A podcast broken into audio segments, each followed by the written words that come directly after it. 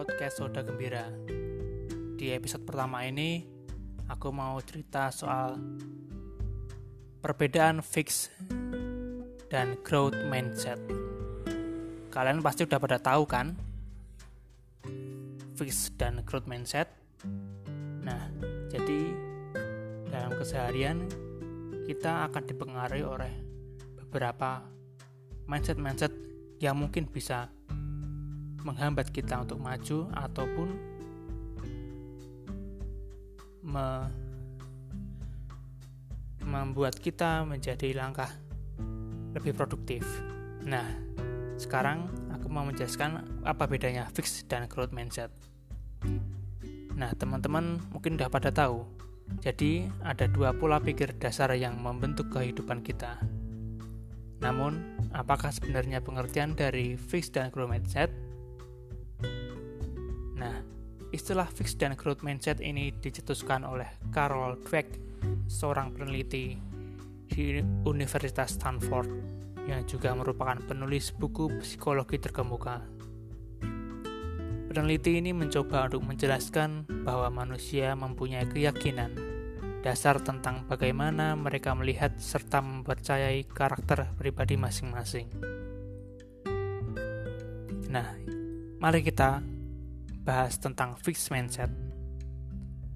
Fixed mindset atau yang bisa diartikan sebagai pola pikir tetap adalah sebuah penggambaran tentang orang-orang yang percaya bahwa kualitas, kecerdasan, atau bakat mereka merupakan sifat yang sudah tetap.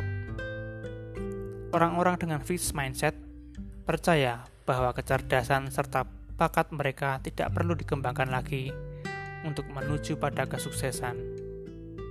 Jika kamu menjadikan fixed mindset sebagai pilihan pola pikir, maka hal tersebut akan menahan Anda untuk melakukan hal-hal besar yang mengarah pada perubahan positif dalam diri Anda. Ciri-cirinya orang yang dengan fixed mindset adalah cenderung menghindari tantangan.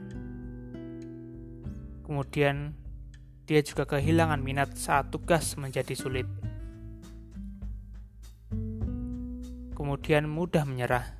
Selain itu juga selalu berkecil hati setelah terjadi penolakan atau kegagalan dia dalam mencapai sesuatu.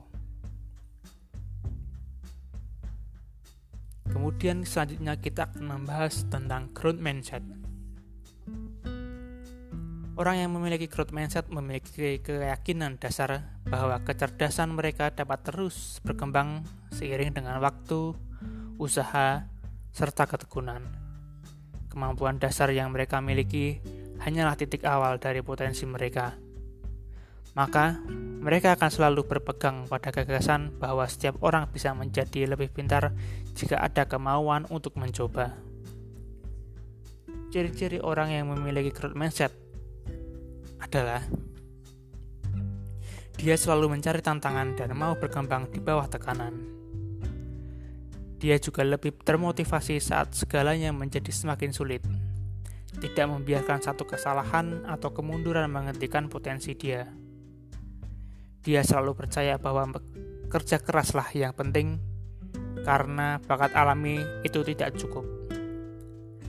Kemudian dia juga mencintai apa yang dia lakukan dan tidak ingin berhenti melakukannya. Nah, jika kamu memiliki fixed mindset itu bisa dikembangkan menjadi growth mindset. Lalu, bagaimana caranya? Nah, ini tips dariku. Pertama, akui dan rangkul kelemahan Anda. Yang kedua, lihatlah tantangan sebagai peluang. Mengambil sebuah tantangan merupakan bagian besar dari pengembangan sebagai pribadi. Semakin banyak kita menantang diri sendiri, maka semakin banyak pula peluang yang kita miliki untuk belajar tentang diri sendiri. Selanjutnya, ketiga, ketahuilah gaya belajar Anda dan gunakan strategi pembelajaran yang tepat.